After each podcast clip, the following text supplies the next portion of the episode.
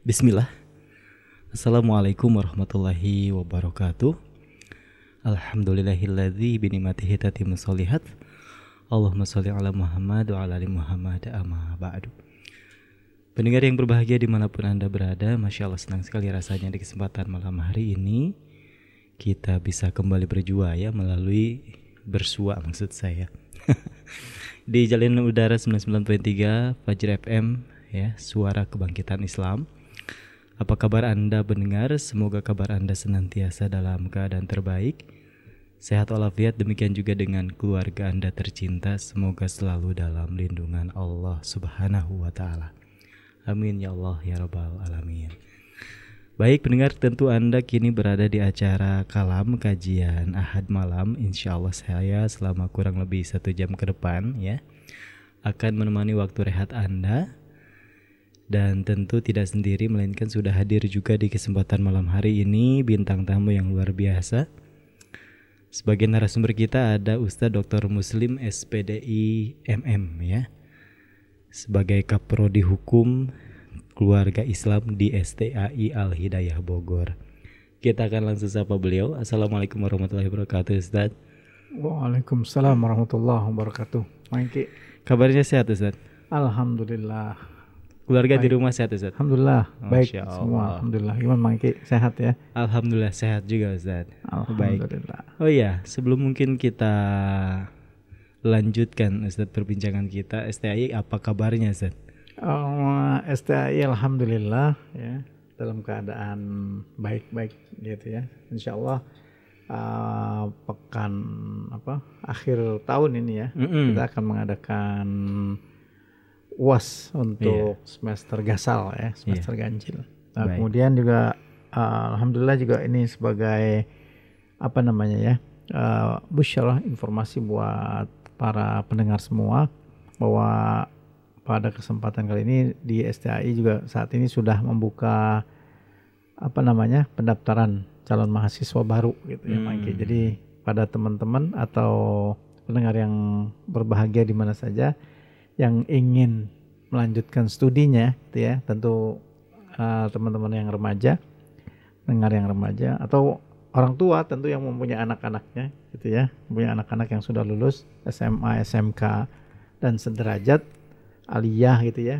Uh, bisa memasukkan anaknya ke STI Al Hidayah ya, baik, baik. Uh, Bogor gitu ya. Hmm. dan diharapkan sebenarnya ini pilihan pertama ya karena sebagaimana sering kita bahas ya, pendidikan terhadap anak, kemudian memberikan anak apa namanya eh, tempat-tempat yang baik untuk terbangun, eh, terjaga nilai-nilai keislamannya, maka pilihannya untuk di Bogor ini tidak ada lain adalah STI Al Hidayah.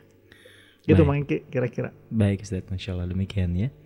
Sudah dibuka ternyata ya pendaftaran untuk Anda calon mahasiswa maupun mahasiswi di STI Al Hidayah Bogor. Tentu ini adalah kabar gembira ya.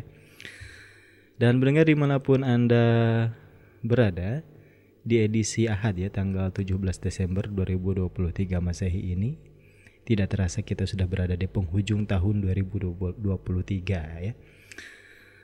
Kita akan angkat sebuah tema yang sangat menarik terutama ini menarik didengarkan oleh kaum hawa ya karena judulnya menjadi istri calon bidadari. Masya Allah. Menjadi istri calon bidadari. Mungkin nanti ada kiat-kiat ya. Dan pendengar di mana pun anda berada ada door prize menanti anda bagi anda yang bertanya di kesempatan malam hari ini berpeluang mendapatkan satu buah handbag Fajri. Masya Allah handbag itu semacam tas kecil ya yang bisa anda bawa ke mana-mana. Praktis ya untuk menyimpan alat-alat yang biasa anda bawa dan alat mohon maaf eh, barang-barang itu penting gitu ya. Cocok uh, menggunakan handbag Fajri ini. Baik pendengar di mana pun anda berada bagi Anda yang ingin bertanya langsung saja pertanyaannya dikirimkan ke 0811 1110 993. 0811 1110 993. Anda bisa melalui WhatsApp, Telegram maupun SMS. Silakan tanyakan hal apa saja yang berkaitan dengan tema kita. seputar keluarga ya tema besarnya. Kemudian judul di malam hari ini menjadi istri calon bidadari. Kita akan langsung saja mendengar mendengarkan uraian yang akan disampaikan oleh Ustaz Dr. Muslim SPDI MM. Silakan Ustaz. Baik, terima kasih Mang Iki. Bismillahirrahmanirrahim. Assalamualaikum warahmatullahi wabarakatuh. Alhamdulillah wassalatu wassalamu ala rasulillah wa ala alihi wa sahbihi wa man walah amma ba'd uh, kaum muslimin pendengar yang berbahagia di mana pun antum semua berada Alhamdulillah kita bisa kembali uh, bersua walaupun di jalinan udara uh, mudah-mudahan uh, pertemuan kita yang sesaat ini ya kurang lebih 60 menit ke depan mendapatkan keberkahan dari Allah Subhanahu wa taala dan kita selalu berdoa Allah manfa'na bima 'allamtana wa 'allimna bima yanfa'una wa zidna ilma. Semoga Allah menambahkan ilmu kita dan ilmu itu bermanfaat buat kita semua. Amin ya rabbal alamin. Uh, pendengar yang berbahagia di mana pun antum berada, hari ini tadi sebagaimana disampaikan oleh uh, host kita, Mang Iki bahwa uh, judulnya adalah menjadi wanita calon bidadari gitu ya. Masya Allah. Satu hal yang setiap wanita salehah pasti akan apa namanya sangat amat menginginkan ya. Dan uh, tentu kalau kita bicara tentang surga ya sebagaimana pembahasan kita di bulan yang lalu ya, ini jadi menjadi suami penghuni surga ini adalah hal yang tentu bagi kita kaum muslimin orang-orang beriman pada Allah Subhanahu wa taala dan hari akhir amat meyakini bahwa surga itu adalah hak ya. Apa yang Allah Subhanahu wa taala akan berikan kepada kita semua adalah hak di akhirat nanti ya baik surga ataupun neraka. Ya karena itu adalah keyakinan yang tidak boleh kita ragu sedikit pun balasan yang Allah Subhanahu wa taala akan berikan. Dan semuanya kita juga tahu bahwa apa-apa yang bisa memasukkan kita ke dalam jannah Allah Subhanahu wa taala atau sebaliknya maka pada hakikatnya juga amalan-amalan yang harus kita kerjakan bahwa apa-apa yang menjadi dasar kita dimasukkan oleh Allah dengan rahmatnya di surganya kelak acuannya adalah amal gitu ya. Karena surga disediakan bagi orang-orang beramal. Makanya kalau kita lihat dalam ayat Al-Quran kita diperintahkan untuk bersegera ya berlomba-lomba untuk menuju surga. Yang perlombaan itu tidak lain dan tidak bukan tentu dengan amal ya.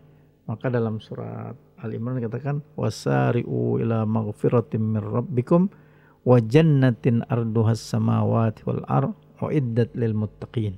Ya. E, bersegeralah kalian. Nah kata-kata segera di sini uh, apa namanya? Tentu ada yang dimaksudkan ya. Bagaimana cara bersegera? Ke mana kita diminta bersegera?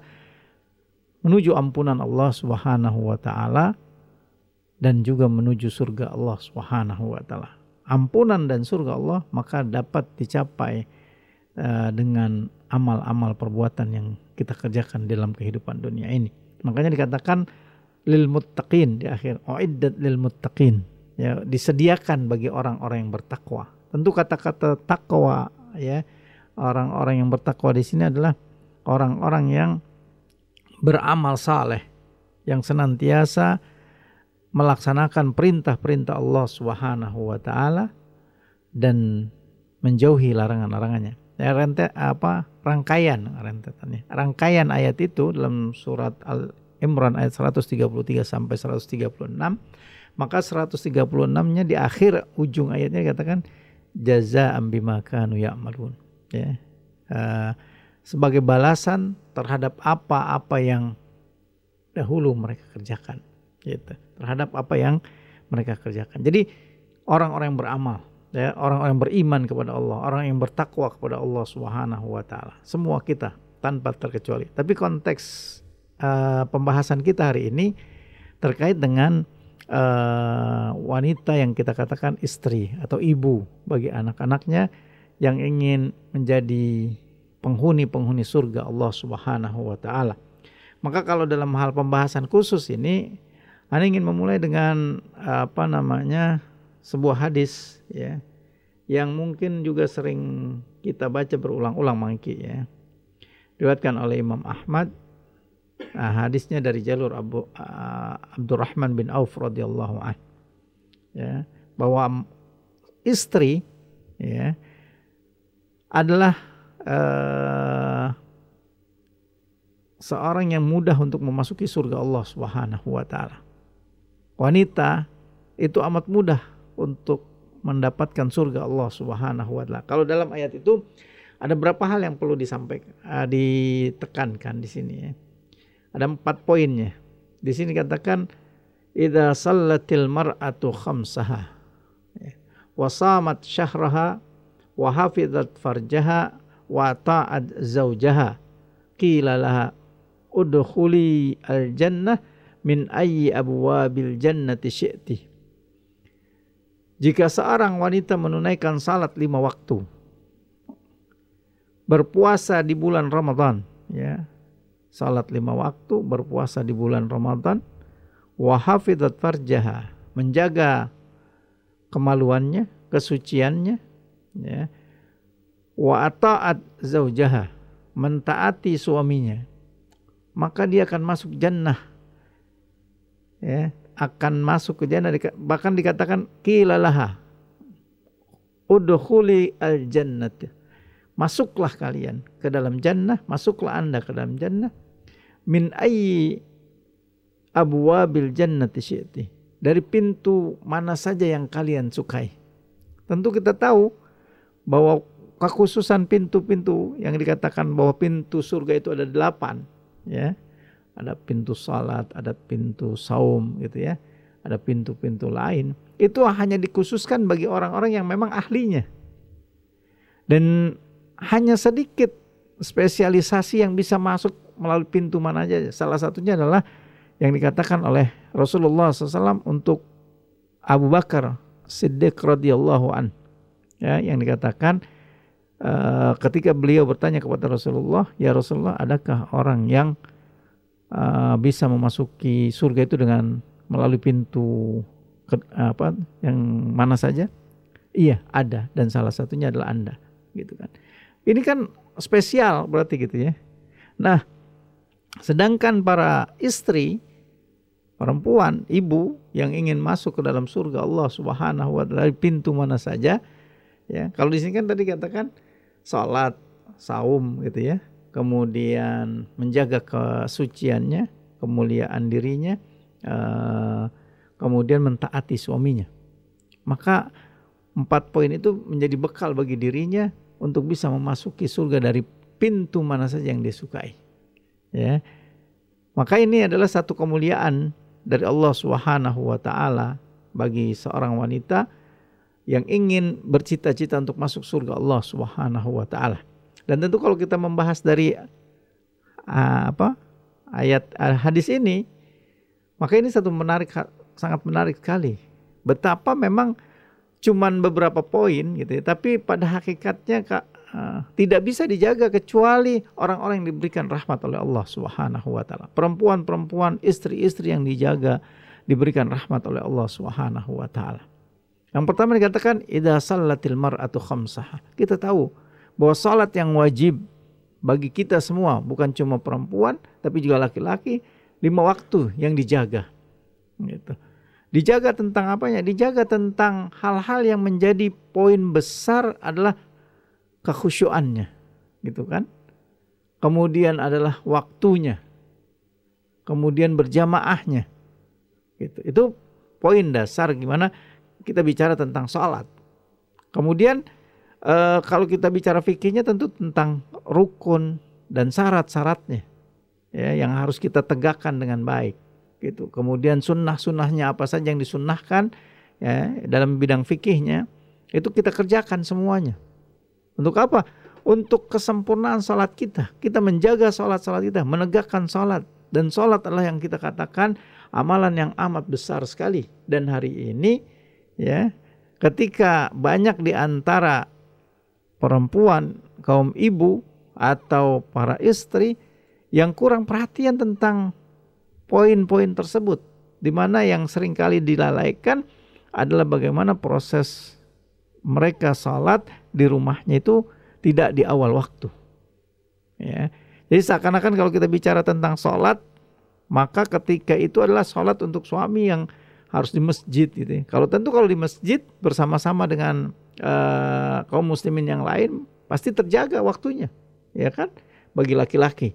Nah, tentu kewajiban atau keutamaan salat di awal waktu juga bagi perempuan ya tidak dipilih hanya untuk laki-laki saja tapi tetap dia juga dikenakan tuh karena dia amalan yang kemarin waktu itu kita katakan amalan yang utama ketika ditanyakan oleh para sahabat Rasulullah SAW ya Rasulullah amalan apa yang paling dicintai oleh Allah? Paling utama di sisi Allah Subhanahu Wa Taala. Maka Rasulullah SAW di hadisnya mengatakan as-salatu ala waktiha salat tepat waktunya. Ya tentu ini bagian dari tadi yang katakan kiat-kiat. Bagaimana seorang tentu menginginkan seorang wanita menginginkan menjadi penghuni surga. Dan tentu ini bagi kita semua sebenarnya ya, tapi karena kita malam ini adalah judulnya tentang uh, seorang apa istri, maka kita khususkan pembahasan dalam konteks istri. Jadi, jadi setiap istri pasti menginginkan itu gitu.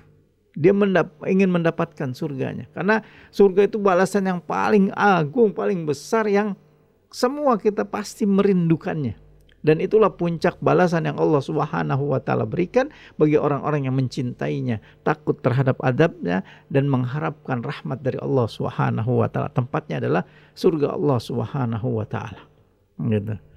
Dan kita tahu bahwa semua kita ketika di dunia aja, ketika seorang keluarga atau sekumpulan keluarga yang terdiri dari istri, suami, istri dan anak-anak, selalu mereka semua menginginkan semua bersama-sama sampai dari dunia sampai akhirat gitu kan.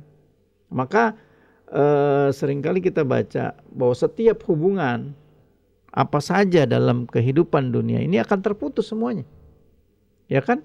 Bahwa dikatakan al-ahillau yauma idzin ba'duhum li ba'din adu illal muttaqin bahkan bisa menjadi adu, bisa menjadi musuh. Bukan cuma putus, tapi menjadi musuh antara satu dengan yang lain. Hubungan keluarga, hubungan suami istri, hubungan apa namanya eh, pertemanan, hubungan apa saja. Dan konteks kita dalam kesempatan ini adalah keluarga, suami istri. Bisa lepas hubungan itu ya hanya mungkin di dunia saja. Kalau tidak dilandasi oleh al-muttaqin tadi dikatakan. Jadi hubungan yang akan langgeng sampai dengan surga Allah Subhanahu wa taala adalah didasarkan kepada ketakwaan kepada Allah Subhanahu wa taala. Jadi kalau hubungan seorang istri dengan suaminya ingin langgeng sampai yaumul qiyamah dan sampai masuk surga Allah, jadilah istri-istri yang bertakwa kepada Allah Subhanahu wa taala. Dan salah satu bagian yang harus dilaksanakan dalam ciri-ciri orang yang bertakwa yang disediakan surga di dalamnya, maka dikatakan salat lima waktu jaga, gitu ya. Yang paling pertama tadi kita katakan jaga waktunya di awal waktu, gitu ya. Maka jangan dilalaikan karena mentang-mentang sholat di rumah sendirian, gitu. Bisa kapan saja tidak. Jangan mengakhir-akhirkan kecuali ada hal-hal yang memang tidak bisa ditinggalkan. Gitu. Kalau di awal waktu tidak bisa dikerjakan, par, perlu dipastikan bahwa itu kita laksanakan karena ada yang tidak bisa kita tinggalkan. Artinya tidak bisa menjama antara sholat dengan uh, pekerjaan tersebut atau pekerjaan tersebut dengan sholat. Tapi kalau kita bisa tinggalkan semua pekerjaan-pekerjaan itu, ya, yang dia ini kan yang sering kali kan kesibukan di rumah tangga itu ya memasak mencuci apalagi apalagi kalau nggak itu ya nah, tentu itu bukan lagi bagian dari tugas yang pokok Sumur gitu kan? dapur. dapur gitu kan? Nah, biasanya tuh yang paling sulit itu adalah ketika seorang istri mempunyai anak eh seorang ibu mempunyai anak bayi gitu ya yang jika apa pada kondisi-kondisi tertentu tidak bisa ditinggalkan walaupun saat itu adalah waktu untuk masuk waktu sholat ya kan? Nah, itu mungkin itu. Tapi selebihnya itu bisa kita tinggalkan semuanya. Apalagi ibu-ibu yang sudah tidak memiliki kerepotan mengurus anak-anak kecil di rumah maka jaga sholatnya. Jaga waktunya di awal waktu tetap dikerjakan di awal waktu. Jadi jika ketika masjid sudah e, beradan maka dia sudah menyiapkan diri. Kalau bisa kita katakan tadi sama seperti lelaki menunggu waktu sholat. Bukan lagi cuma sekedar apa namanya pas waktu adzan langsung bergerak enggak, tapi dia menunggu gitu dengan berzikir membaca Al-Qur'an. Ya, kalau tentu tadi kita katakan tidak ada hal-hal yang dapat merepotkan dirinya. Yang kedua tentu menjaga kekhusyuannya. Ya, bagaimana dia khusyuk dalam salat-salatnya dan ini tentu keseluruhan gitu kan. Jaga rukun dan syarat-syarat yang harus dipenuhi dan kemudian menjaga sunnah-sunnah dalam salat. Jadi intinya tentu menjaga salat dalam artian adalah itu semua gitu ya, cakupan menjaga salat gitu ya dia sholat, menegakkan sholat, mendirikan sholat, maka dikatakan mendirikan sholat, gitu ya. Eh, perintahnya, akimis salah, dirikanlah sholat. Jadi mendirikan rukun-rukunnya, mendirikan syarat-syaratnya, mendirikan hal-hal yang mustahab dalam sholat, ya, kewajiban-kewajiban dalam sholat, gitu. Dan tentu waktu dan uh, apa namanya uh, kekhusyuan. Dan satu lagi yang juga perlu diperhatikan oleh ibu-ibu adalah dengan berjamaah gitu ya. Kan dikatakan oleh Rasulullah bahwa sholat berjamaah pahalanya tuh 25 dalam riwayat lain uh, dalam satu riwayat dan di riwayat lain dikatakan 27 gitu lebih dari sholat sendirian. Maka jika seorang istri memiliki anak ya perempuan juga yang sudah uh, remaja yang sudah besar gitu kan maka hendaklah dia melaksanakannya berjamaah di rumah. Gitu. Jadi juga jangan juga dilalaikan. Dan ini tentu banyak juga di antara kita yang kurang memperhatikan hal tersebut ya. Karena perintah berjamaah uh, khusus memang laki-laki karena di masjid gitu ya. Kalau di masjid pasti berjamaah apalagi waktunya. Dan tentu hal ini juga ketika diberikan keutamaan termasuk di dalamnya adalah wanita-wanita yang salat di rumahnya. Maka jika dia bisa melaksanakan berjamaah dengan anaknya atau dengan adiknya atau dengan siapa pun, maka kalau itu memungkinkan untuk dilaksanakan, maka dijaga juga. Nah, ini poin tentang bagaimana seorang harus menjaga salatnya. Ya. Kemudian tentu yang kedua adalah bagaimana seorang istri menjaga saumnya. Gitu ya. Tentu kita secara umum ya, menjaga saum itu adalah di mana ketika menegakkan atau mendirikan atau melaksanakan pelaksanaan saum ya di bulan Ramadan maka harus ditunaikan dengan hak-haknya.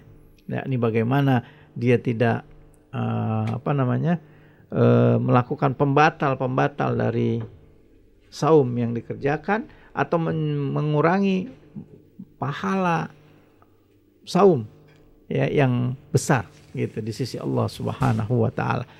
Ya, jangan sampai ada di antara kita tidak batal saumnya, tapi banyak pahala yang hilang atau bahkan tidak mendapatkan apa-apa kecuali lapar dan dahaga sebagaimana Rasulullah katakan. Gitu.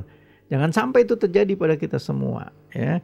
Nah, ini tentu uh, terkait dengan saum juga penting sekali dijaga. Terutama yang sering kali kita kurang perhatian adalah lisan, gitu kan? Karena kan semua mat, apa namanya anggota tubuh kita itu biasanya ketika saum maka diminta untuk bersaum juga gitu ya. Mata dari hal-hal yang diharamkan. Padahal secara umum sih kan keseluruhan ya. Eh, dalam kondisi tidak saum pun atau bukan di bulan Ramadan pun kita diminta untuk godul basar. Gitu. Perempuan juga demikian. Ibu-ibu juga demikian. Nah itu penting ya. Uh, kemudian tangannya lisannya pendengaran segala macam itu harus melaksanakannya. Jadi dia juga melaksanakan. Dan ketiga adalah wahafizat farjaha eh, menjaga kesuciannya. Nah, tentu ini juga di era yang sangat uh, boleh dikatakan sangat apa ya perbuatan fahisyah, perzinahan terjadi di mana-mana bahkan bukan kepada cuma apa namanya perempuan perempuan-perempuan di jalan yang memang mempunyai profesi itu gitu ya. Tapi juga terjadi ke perselingkuhan perselingkuhan yang diharamkan oleh Allah Subhanahu wa taala. Naudzubillah min dzalik dan ini marak banyak sekali gitu ya. Dari mana kita tahu ya dari kasus-kasus yang terjadi gitu ya. Kita dapati di media berita-berita tentang hal itu hampir setiap saat terjadi. Perselingkuhan, perselingkuhan ya yang akhirnya merusak semua urusan gitu ya. Dan terutama ini penting sekali dijaga pertemanan-pertemanan gitu ya. Makanya dalam Islam itu di di apa namanya? Dibatasi sekali bagaimana cara kita berteman dan bergaul gitu ya.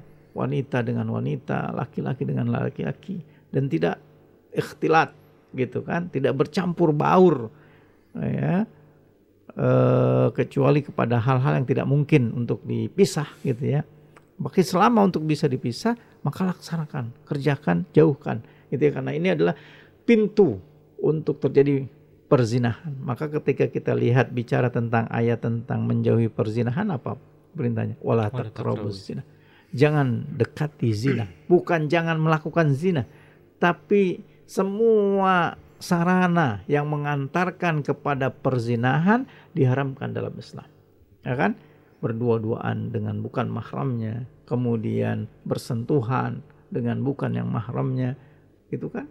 Maka ini, nah ini pertemanan-pertemanan juga, ya. apalagi dengan media-media sosial yang ada, ya, atau dengan media-media yang kita ah, hari ini dapatkan begitu mudah sekali orang. Dulu orang cuma bisa teleponan, itu pun di rumah gitu yang rame-rame digunakan kemudian kalau tidak di telepon umum gitu ya di wartel yang butuhkan waktu tempat segala macam sulit dilaksanakan tapi sekarang kapan saja ya maka ini eh, apa namanya eh, lebih-lebih kalau kita katakan istri. Ya, dia sudah punya suaminya dan ini adalah satu hal yang sangat dahsyat sekali kalau tidak bisa dijaga gitu ya. Karena menjaga kesucian dirinya, ya, kehormatan dirinya, menjaga kemaluannya hanya untuk suaminya yang sah, hanya untuk suaminya yang diikat dengan ikatan yang sangat kuat yakni pernikahan, maka itu adalah bagian yang hari-hari ini ya dalam kehidupan kita juga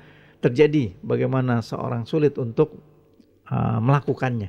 Nah, maka itu ya jika ini disebutkan oleh Rasulullah Sallallahu Alaihi Wasallam pada hari ini memang bagian dari tentu hal yang berat juga kita kerjakan ya tentu bagi uh, kaum wanita.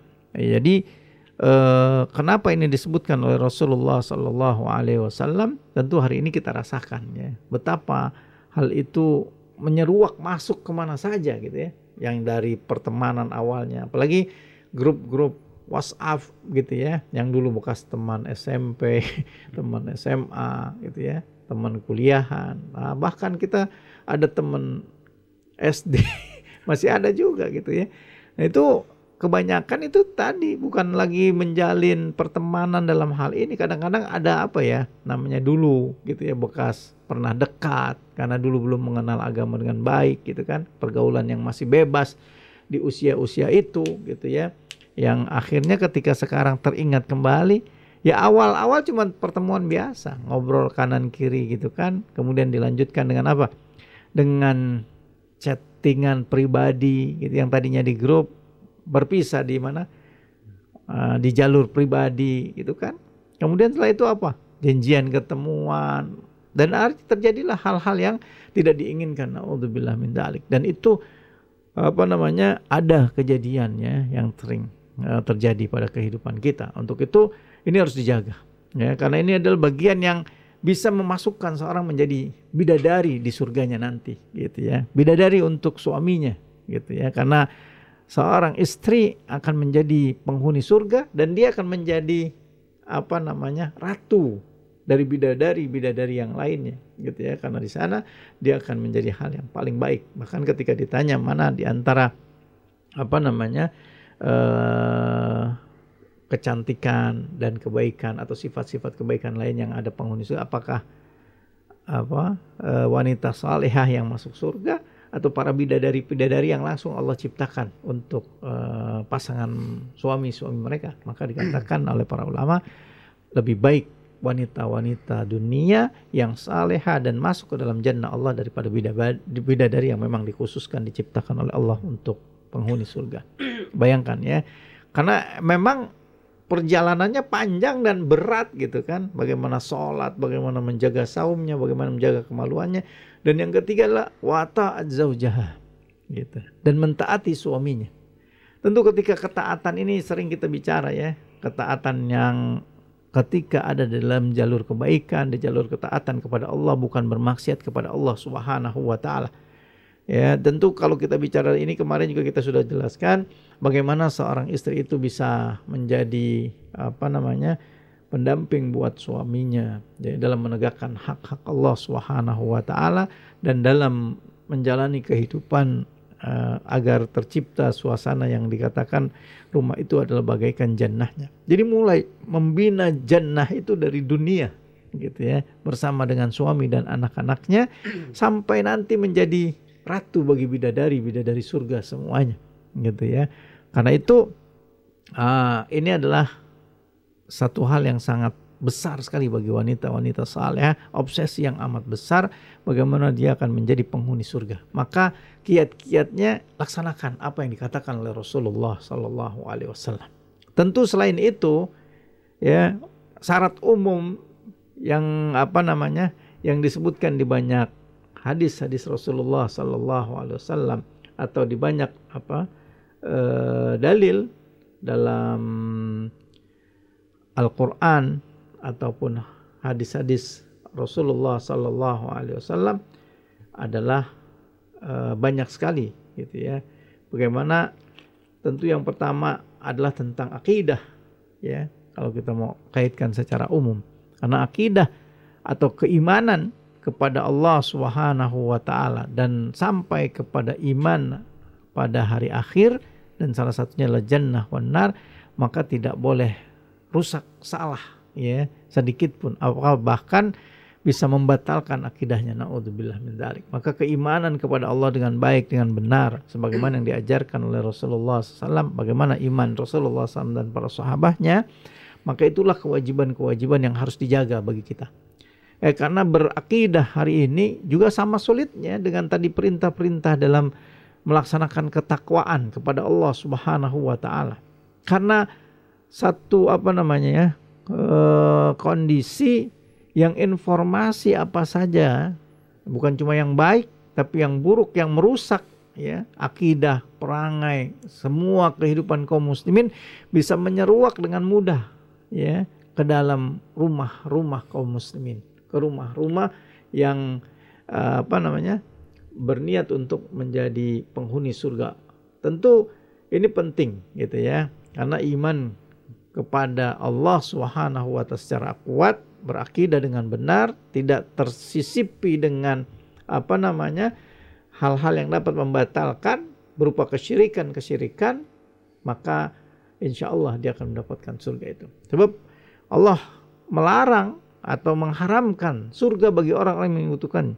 Innahu may yushrik billah faqad harramallahu alaihi jannah wa ma'wahumun nar. Ya, Sesungguhnya Allah Subhanahu wa taala mengharamkan jannah.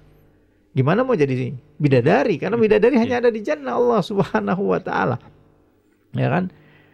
Maka dikatakan di situ diharamkan bagi siapa? Orang-orang yang menyekutukan Allah Subhanahu wa taala dengan segala sesuatunya. Menyekutukan Allah Subhanahu wa taala dalam hak-hak Allah ya dalam hak mencipta, dalam hak rububiyahnya, uluhiyah maupun asma dan sifatnya. Itu dijaga maka dipelajari dengan baik gitu ya. Uh, bagi wanita-wanita yang ingin menghuni surga pelajari dengan benar gitu kan. Terkadang uh, banyak kaum muslimah ya terutama istri ya, ibu yang uh, kurang bisa mendapatkan apa namanya uh, pembelajaran tentang kehidupan agamanya dengan baik disebabkan kesibukan yang amat sangat ya dalam mengurus rumah tangganya. Untuk itu wanita-wanita yang berniat atau berobsesi untuk menjadi bidadari-bidadari surga ini juga perhatikan. Banyak caranya tentu dengan buku kalau dia tidak mendapat tidak bisa pergi taklim, terus mendengarkan radio gitu ya. Tentu radio kebanggaan kita semua Fajri FM ini. Atau dengan sarana-sarana yang lain gitu yang tadi kita katakan. Itu sarana informasi yang kita bisa dapatkan melalui gadgetnya kita HP-HP kita. Itu kan tadi bermata dua ya. Yang baik banyak di dalamnya apa saja yang kita perlukan informasi apa saja tentang iman tentang fikih tentang agama kita ada di dalamnya. Kalau kita mau sungguh-sungguh tadi. Tapi begitu sebaliknya apa pun yang bisa menjerumuskan kita ke nerakanya pun banyak gitu. Jadi memang perlu selektif dan perlu hati-hati sekali itu dalam menggunakan hal-hal tersebut. Mudah-mudahan Allah Subhanahu wa taala menjaga. Tapi secara umum tadi kita katakan bahwa eh, siapa pun terutama konteks yang kita bicarakan tema hari ini adalah tentang wanita-wanita calon peng, apa, calon menjadi bidadari bidadari surga maka perintahnya adalah bersegera. Perintahnya adalah perlombaan. Jadi ayat lain dalam surat uh, al-hadid dikatakan wasabiqu ila maghfiratin min rabbikum wa wa jannatin arduha ka ardis sama'i wal ar itu ya. Barang, uh, berlomba-lombalah kalian menuju ampunan Allah Subhanahu wa taala. Dan apa?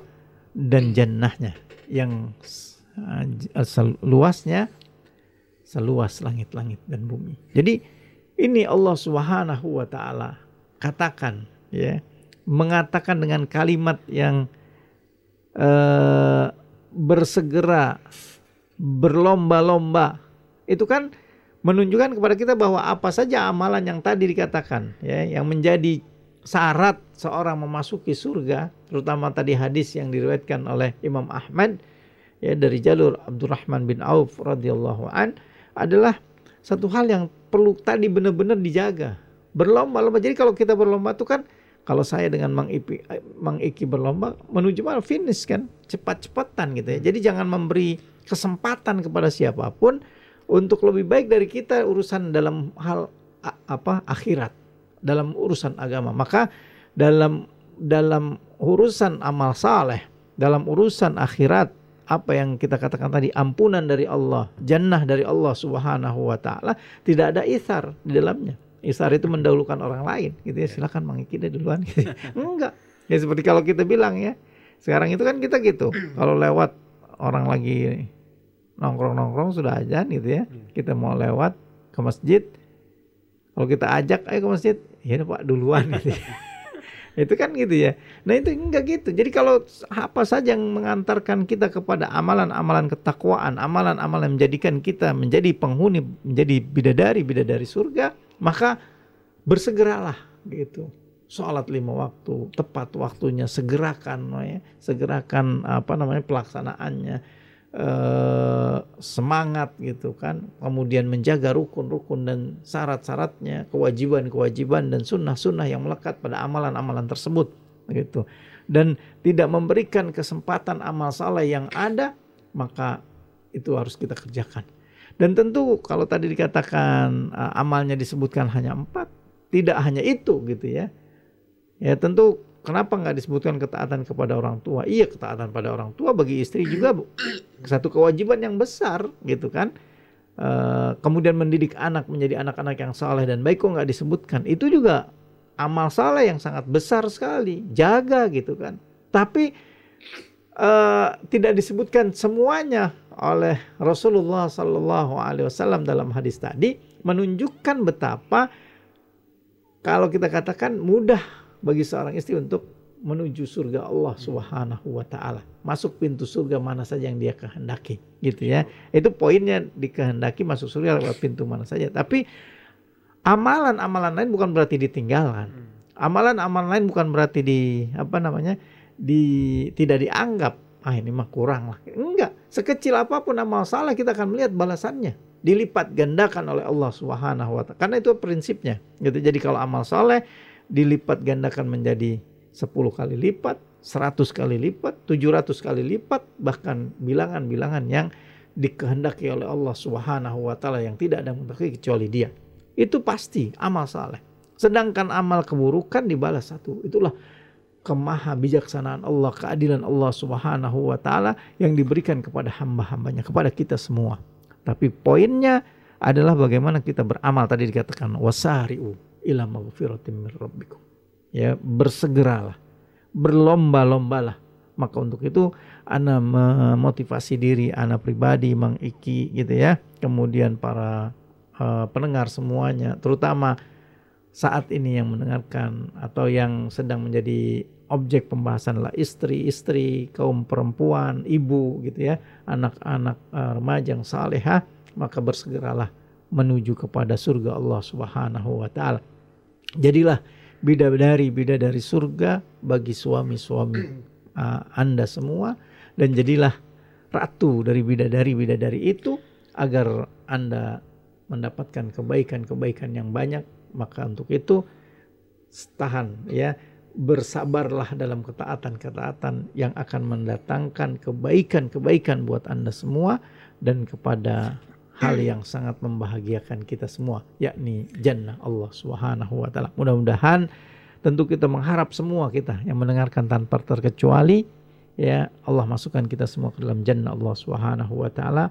Dan bagi perempuan-perempuan wanita-wanita saleha terkhusus karena pembahasannya tentang hal itu juga mudah-mudahan Allah mudahkan Allah masukkan ke dalam jannahnya. Allah alam. Ini mungkin uh, Mang uh, yang bisa disampaikan mudah-mudahan bermanfaat baik Masya Allah. Demikian ya pendengar di mana pun anda berada. Uh, jadi peluang bagi wanita atau istri solehah untuk masuk surga bahkan dari pintu mana pun bisa anda pilih gitu ya. Dengan menjalankan kiat-kiat tadi yang Ustadz Muslim sampaikan ya dan menukil sebuah hadis yang Rasulullah uh, sabdakan ya. Mungkin singkatnya pertama menjaga sholat lima waktu, kemudian menjalankan puasa Ramadan, menjaga kehormatan diri, dan yang terakhir patuh atau taat kepada suami. Masya Allah ini dimudahkan ya uh, untuk melakukan poin-poin tadi ya bagi para wanita terutama yang saat ini statusnya sebagai seorang istri. Nah, itulah mudah-mudahan uh, Allah mudahkan untuk menjalankan kiat-kiat tadi sehingga Anda dan kita semua Allah mudahkan untuk menuju surga. Amin ya Allah ya rabbal alamin.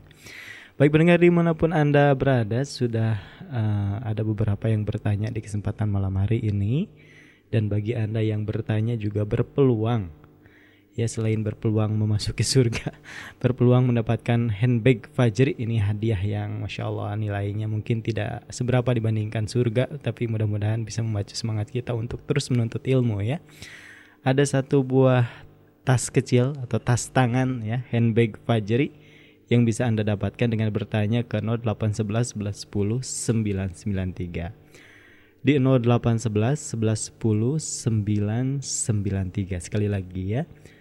Di 0811 1110 993. Anda bisa melalui WhatsApp, uh, Telegram dan mungkin bagi Anda juga yang saat ini tengah aktif di dunia maya di Facebook, silakan mampir ke fanpage Radio Fajri di facebook.com garis miring Radio Fajri.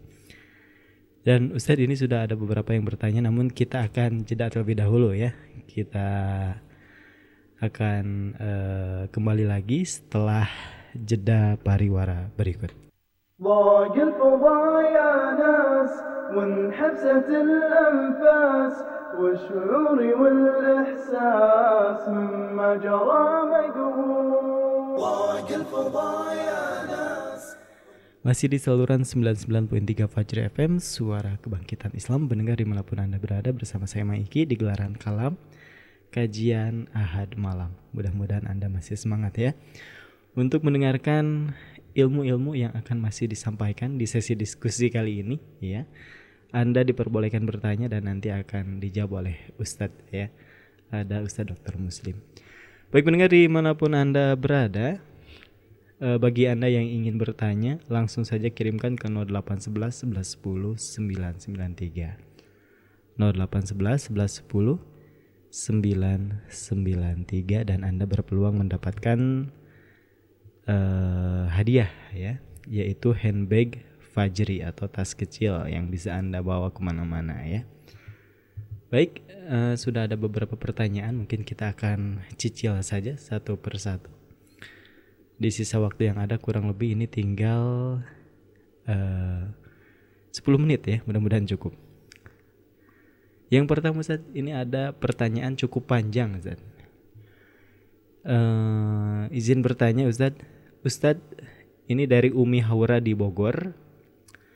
Setiap orang pasti ingin masuk surga apalagi dengan predikat istri solihah termasuk saya. Namun Ustadz apakah saya masih berpeluang mendapatkan predikat itu jika tanpa seizin suami saya, saya suka meminjam uang untuk keperluan anak-anak yang saya bawa dari pernikahan pertama saya yang telah gagal. Karena mantan suami sangat jarang mengirim uang untuk anak-anak, jikapun mengirim jumlahnya tidaklah cukup dengan kebutuhan anak-anak. Sedangkan komitmen saya adalah saya tidak mau merepotkan suami dengan ikutnya anak-anak saya bersama kami. Sedang yang saya tahu juga hukumnya hanyalah sedekah bila suami saya yang sekarang ingin membantu dan bukan kewajiban utamanya. Saya termaksud istri, saya termaksud atau termasuk ini ya. Masuk. Termasuk mungkin ya. Saya termasuk istri yang segan bila merepotkan suami. Saya salahkah Ustadz? Mohon pencerahan dan saran untuk saya Ustadz. Syukron untuk tanggapannya. Ah, baik, uh, Bismillahirrahmanirrahim. Tentu uh, kalau pertanyaannya uh, layakkah? Ya kita pasti layak ya. Setiap kaum muslimin atau orang-orang beriman kepada Allah Subhanahu wa taala maka layak untuk memasuki surga Allah. Bahkan bukan cuma layak, ya hirs semangat gitu ya hmm. untuk meraih itu maka uh, ada hal-hal yang mungkin tadi diragukan ya suka meminjam untuk keperluan anak tentu ini masih dalam kategori batasan-batasan yang kita katakan adalah hal yang sangat wajar sekali karena seorang tua adalah bagaimana membiayai kebutuhan anak-anaknya ya kalau tadi katakan dalam hal sekolah atau ya dalam yang lain gitu ya. Tentu akan lebih baik ya, jika uh, suami yang sekarang juga mengetahuinya gitu ya. Karena biar bagaimanapun mereka anak-anak yang masih kecil itu yang masih butuh apa perhatian dan tentu tadi Umu sudah menikah lagi dengan suami barunya maka ini bisa dibicarakan gitu kan. Agar uh, nanti kalau apa namanya ditakutkan merusak hubungan gitu ya kalau diketahui belakangan. Atau bahkan kalau nanti pas membayarnya dari mana tuh gitu kan. Tentu ini kan juga satu hal yang ya, di ini kan ya diperhatikan. Kalau misalkan umumnya sendiri mempunyai penghasilan gitu ya bekerja atau yang lainnya maka ya tidak mengapa sama sekali gitu ya kalau merasa tidak mau merepotkan suami yang barunya. Tapi uh, Ana merasa kalau itu sebenarnya konsekuensi ya dari seorang suami hmm. jika dia menikah dengan seorang yang janda gitu yeah. dikatakan dan membawa anak tentu dia udah uh, bisa memprediksi gitu ya karena bukan hal yang juga aneh gitu ya kalau itu kan bagian dari diri seorang yeah. istri gitu ya dengan apa yang ada pada yeah. dirinya kewajiban-kewajiban dia menjadi bagian dari hal yang juga jadi tanggungan dan sudah dipikirkan dari awal tentunya ya karena bukan apa namanya bukan tahu-tahu mendadak ada yang tadinya nggak ada kan gitu. Jadi itu konsekuensi. Tapi asalnya memang uh, bisa dibicarakan gitu ya. Ini kebutuhannya. Kita bukan butuh untuk kemaksiatan atau bukan untuk penipuan gitu ya. Jadi itu apalagi ya tadi pendidikan anak tentu adalah bagian dari hal yang perlu di apa berikan kepada anak agar mendapatkan pendidikan yang baik. Anak rasa itu masih bagian. Kata pertanyaannya apa namanya?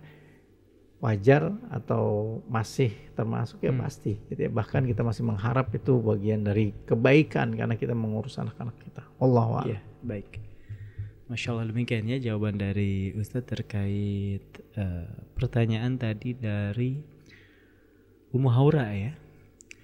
Dan pendengar di mana pun anda berada kita akan lanjutkan uh, sesi tanya jawabnya. Kali ini kita akan bacakan pertanyaan dari hamba Allah di Depok.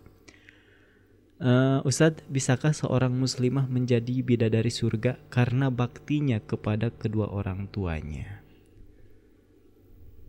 Iya, uh, tentu kalau dikatakan demikian tentu semua ya bisa saja.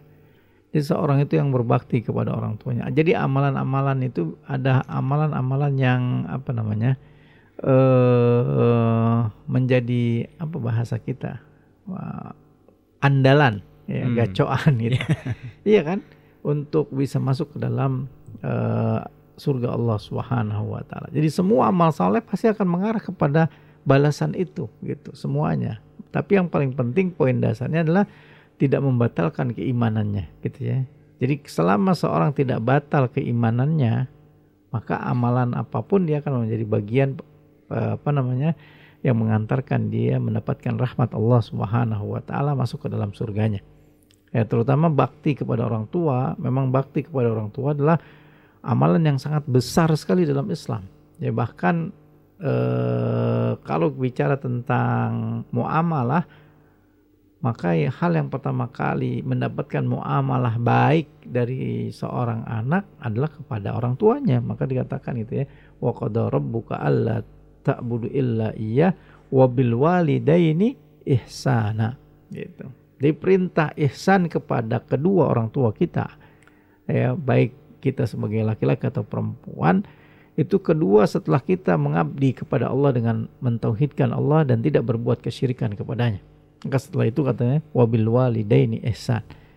Al ihsan bil walidain ya e, berbuat ihsan kepada kedua orang tua itu mencakup ihsan bil qaul, ihsan bil hal, ihsan bil mal gitu ya. Berbuat ihsan dengan lisan-lisan kita ya tidak berkata-kata kasar, tidak berkata-kata yang dapat menyakiti hati orang tua kita, tidak uh, be, apa keras atau membentak wala tanharhuma ya kan? Itu kan perintahnya.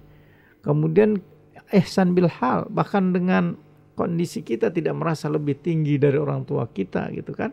Tidak apa namanya terlihat gagah-gagahan di hadapan orang tua kita itu tidak tapi juga terus kemudian ihsan bil mal jika ada kelebihan harta atau ada harta kita maka kita juga memberikan kepada mereka orang-orang tua kita Nah, maka kebaikan itu, kewajiban itu, ya ketaatan kita kepada orang itu bisa. Tapi karena konteks kita kan tadi apa? Konteks kita kan uh, pembahasan tentang istri gitu ya. Jadi ya yang disampaikan tadi istri karena apalagi berangkat dari uh, hadis uh, tentang istri yang mudah untuk memasuki pintu surga, masuk pintu masuk jannah melalui delapan pintu mana saja yang dia sukai. Jadi pas pembahasannya istri. Jadi yang dibacakan yang dibacakan hadisnya itu. Tapi kalau kita katakan sebagai secara umum amalan, maka semua amalan-amalan saleh akan berbuah kepada jannah Allah Subhanahu wa taala. Ya rahmat Allah, jannah Allah Subhanahu wa taala, kasih sayang ampunan Allah Subhanahu wa pasti ke arah sana gitu. Tapi apakah tadi yang misalkan yang lain disebutkan akan bisa memasukkan um, andalan ke pintu surga yang mana saja? Tentu kita tidak bisa memastikan karena tidak ada nas yang secara uh, eksplisit ya secara jelas menjelaskan. Terutama kecuali hadis ini gitu ya secara eksplisit masuk pintu mana saja yang anda sukai. Tentu bagi wanita bagi yang lainnya banyak tuh. Kayak masuk pintu surga mana saja bisa untuk laki-laki juga gitu. Wallahu a'lam Baik, Masya Allah ya demikian jawaban Ustadz terkait pertanyaan tadi dari hamba Allah di Depok ya. Selanjutnya, mungkin Ustaz sebelum kita lanjutkan uh, karena ini waktu kita terbatas dan ada beberapa pertanyaan cukup yeah. lumayan, yeah. mungkin bisa diperingkas Ustaz ya. Yeah. uh, kali ini dari Fani Khairunisa di Tangerang. Ustadz Afwan mohon pencerahannya kalau laki-laki yang beriman dijanjikan mendapatkan bidadari di surga kalau yang akhwat yang beriman apa juga mendapat bidadara di surga. Syukran Ustaz. Iya, tentu bagi apa namanya uh, wanita yang masuk ke surga, dialah yang jadi bidadari buat suaminya gitu ya. Tentu jika dia tidak punya pasangan atau dia belum menikah, gitu kan juga terjadi ya banyak uh, apa perempuan muslimah yang belum sempat menikah dia meninggal dunia. Tentu akan Allah pasangkan di sana dengan pasangannya. Ada gitu ya. Jadi pasti mempunyai pasangan. Cuman nggak disebutkan apakah namanya bidadara dan lain sebagainya gitu ya. Nah tentu uh, pasti ada pasangannya. Setiap orang nanti akan mempunyai pasangannya uh, baik laki-laki atau perempuan. Allah Allah baik masya Allah demikian demikian ya pendengar di mana pun anda berada jawaban dari Ustadz ya. Mohon maaf. Uh, kali ini pendengar di mana pun anda berada ada pertanyaan dari hamba Allah Pak Ustadz, izin bertanya apakah saya masih bisa menjadi calon bidadari surga?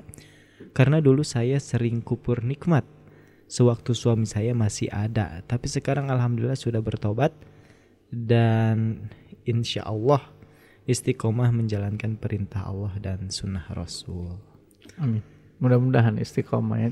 Tentu gitu ya masih terbuka peluang. Nah, selama tadi kita katakan tidak membatalkan keimanan dan keislamannya gitu. Jadi setiap kita pasti mempunyai peluang untuk menjadi penghuni surga Allah Subhanahu wa taala dan taubat uh, anti atau taubat ibu mudah-mudahan ini menjadi amalan juga yang lebih ya, apa namanya uh, menyempatkan kita untuk bisa meraih surga Allah Subhanahu wa taala. Allahu Baik, Masya Allah. Demikian ya. Selanjutnya ada pertanyaan dari Amirul di Bojong Suang, Bandung. Mau bertanya, bagaimana kiat-kiat agar istri kita tetap istiqomah untuk mendapatkan ridha Allah dan menjadi bidadari surga?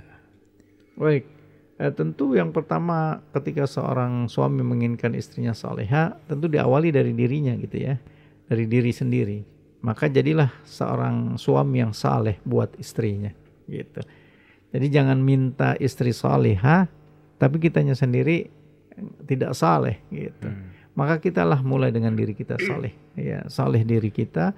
Kemudian setelah itu adalah pendidikan karena mendidik istri adalah tanggung jawab suami. Maka dikatakan oleh Allah Subhanahu wa taala, "Ku anfusakum wa ahlikum nara." Jagalah diri Anda dan ahl Anda, keluarga Anda, istri dan anak-anak Anda dari siksa api neraka. Gitu. Maka Eh, menjaga mereka dari siksa api neraka otomatis akan memasukkan mereka ke dalam surga Allah Subhanahu wa taala. Eh, dan paling hal yang juga penting adalah pendidikan tentang akidahnya gitu ya dan tentang agamanya secara umum maka itu akan menjadikan apa-apa kiat yang paling utama. Tapi yang paling besar tadi ya, mulai dari diri kita. Jadilah suami-suami yang saleh, suami-suami yang menjadi teladan, suami-suami yang bisa menjadi panutan buat istri dan anak-anaknya. Jangan dia menginginkan istrinya saleha, anaknya saleh, tapi dianya sendiri tidak saleh gitu ya. Dia melalaikan banyak dari syariat Allah Subhanahu wa taala. Apalagi sampai dilihat oleh istri dan anak-anaknya gitu ya. Nah, tentu tidak sulit untuk menjadikan mereka salihah. Nah, dan yang kedua tadi pendidikan. Bagaimana mendidik? Kalau tidak bisa mendidiknya sendiri, maka biarkan dia ikut pengajian antarkan ke pengajian ajak ke tempat-tempat kajian bersama-sama ya dan uh, apa namanya berikan sarana-sarana yang bisa mengantarkan istri kita mendengarkan atau mendapatkan pendidikan tentang agamanya. Allahu a'lam. Baik, masya Allah ya demikian. Dan selanjutnya Ustadz mungkin ini adalah pertanyaan terakhir di kesempatan malam hari ini karena tidak terasa kita sudah hampir berada di penghujung acara dari Ibu Puji ya. Assalamualaikum warahmatullahi wabarakatuh. Assalamualaikum. Maaf mau tanya, saya di rumah usaha laundry dan suami saya hanya bantu-bantu antar jemput saja. Jadi banyak istirahat. Nah, sedang saya full bekerja. Ketika azan kalau suami langsung ke masjid. Tapi kalau saya terus istirahat karena capek. Kalau sudah istirahat baru sholat, tapi suami selalu ngomong mulu biar saya sholat tepat waktu dan saya berkejaran dengan waktu. Harus mengirim jemuran, minggirin, hmm. harus minggirin jemuran biar nggak kehujanan dan lain-lain agar sholat tenang. Jadi saya sering sholat kalau suami saya sudah pulang dari masjid. Apakah ini disebut istri yang tidak taat? Terima kasih. Ya tentu kalau diingatkan untuk sholat tepat waktu ya bersyukur lah gitu ya, yeah. karena suami mengingatkan kita untuk uh, sholat uh, tepat waktu. Nah tapi juga hendaknya ya suaminya bisa apa namanya pengertian juga membantu kerjaannya. Tadi kan juga juga membantu ya mengantarnya gitu kan segala macam hal, membagi tugas lah istilah. Itu udah baik sekali. Uh, kemudian uh, tentu kitalah yang bisa mengatur pekerjaan kita. Jadi jangan kita diatur oleh pekerjaan, jangan sering kali kita susah mengatur waktu.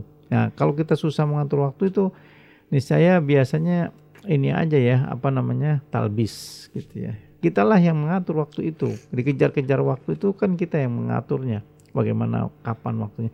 Apalagi tadi saya katakan semua pekerjaan-pekerjaan itu bisa di cancel ketika waktunya datang, gitu ya, waktu sholat datang kan waktu sholat nggak lebih dari 5 atau 10 menit gitu ya. Maka kita juga udah memberi apa waktu jeda waktu untuk istirahat sejenak gitu kan. Yang kita ngerjakan sendiri apalagi kita sendiri di rumah. Ya ada jeda waktu yang bisa kita apa namanya berikan. Tadi kalau kalau berkaitan dengan mengurus anak yang masih kecil mungkin masih bisa apa namanya kesulitan gitu ya. Karena pas ajan pas waktunya sering kali berbenturan anaknya nangis anaknya kepengen di kamar mandi segala macam. Ya tentu itu pun waktunya sedikit sekali. Tapi yang jelas adalah menjaga waktu itu nggak mesti pas sholat pas adzan sholat. Tapi uh, apa tidak mengulur-ulur waktu di saat senggang gitu ya. Nah, itu juga penting. Jadi ketika apa uh, kerjaan itu harus membutuhkan waktu yang panjang gitu ya sejam ya atau lima apa setengah jam Nah ini di cancel dulu sebentar. Tentu kan nggak nggak panjang 10 menit, 5 menit, 10 menit. Itu kan waktu yang sudah bisa kita mengerjakan sholat.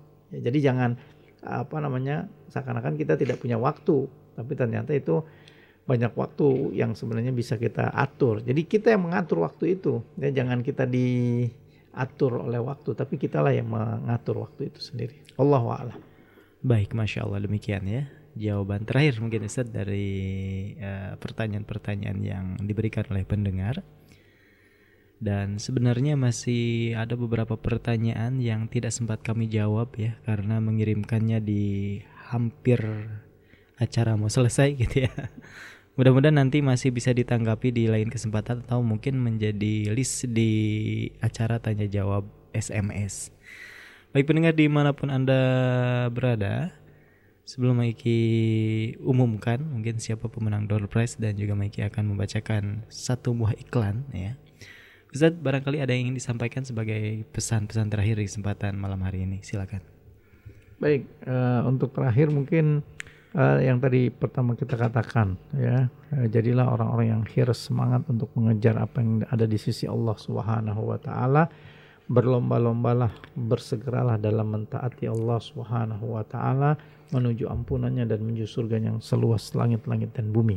Jadi tidak ada kata uh, lelah, tidak ada kata capai, tidak ada kata bosan dalam menaati Allah Subhanahu wa Terus berjuang ya wala tamutunna illa wa antum muslimun. Jangan mati kecuali dalam keadaan Islam. Ya mudah-mudahan Allah Subhanahu wa taala memberikan kita istiqamah di jalan agamanya, di jalan Amin. sunnah nabinya sallallahu alaihi wasallam.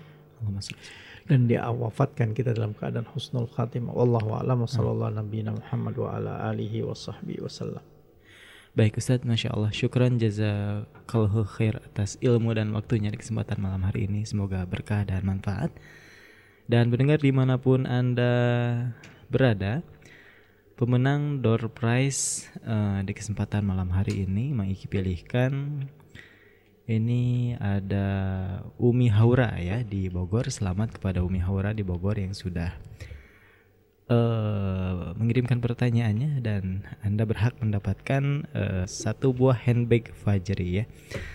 Ini mungkin kategorinya pesan pertanyaan terpanjang ya karena membayangkannya juga capek kayaknya ngetiknya ya. Baik. Alhamdulillah. Baik mendengar di mana pun Anda berada. Akhirnya Maiki pamit undur diri juga mewakili Akhi Haris di meja operator yang tugas malam hari ini ya. Mohon maaf atas segala kekeliruan. Sampai jumpa kembali di acara menarik lainnya Radio Fajri FM Suara Kebangkitan Islam. Subhanakallahumma wa bihamdika asyhadu alla ilaha illa anta astaghfiruka wa atubu Wassalamualaikum warahmatullahi wabarakatuh.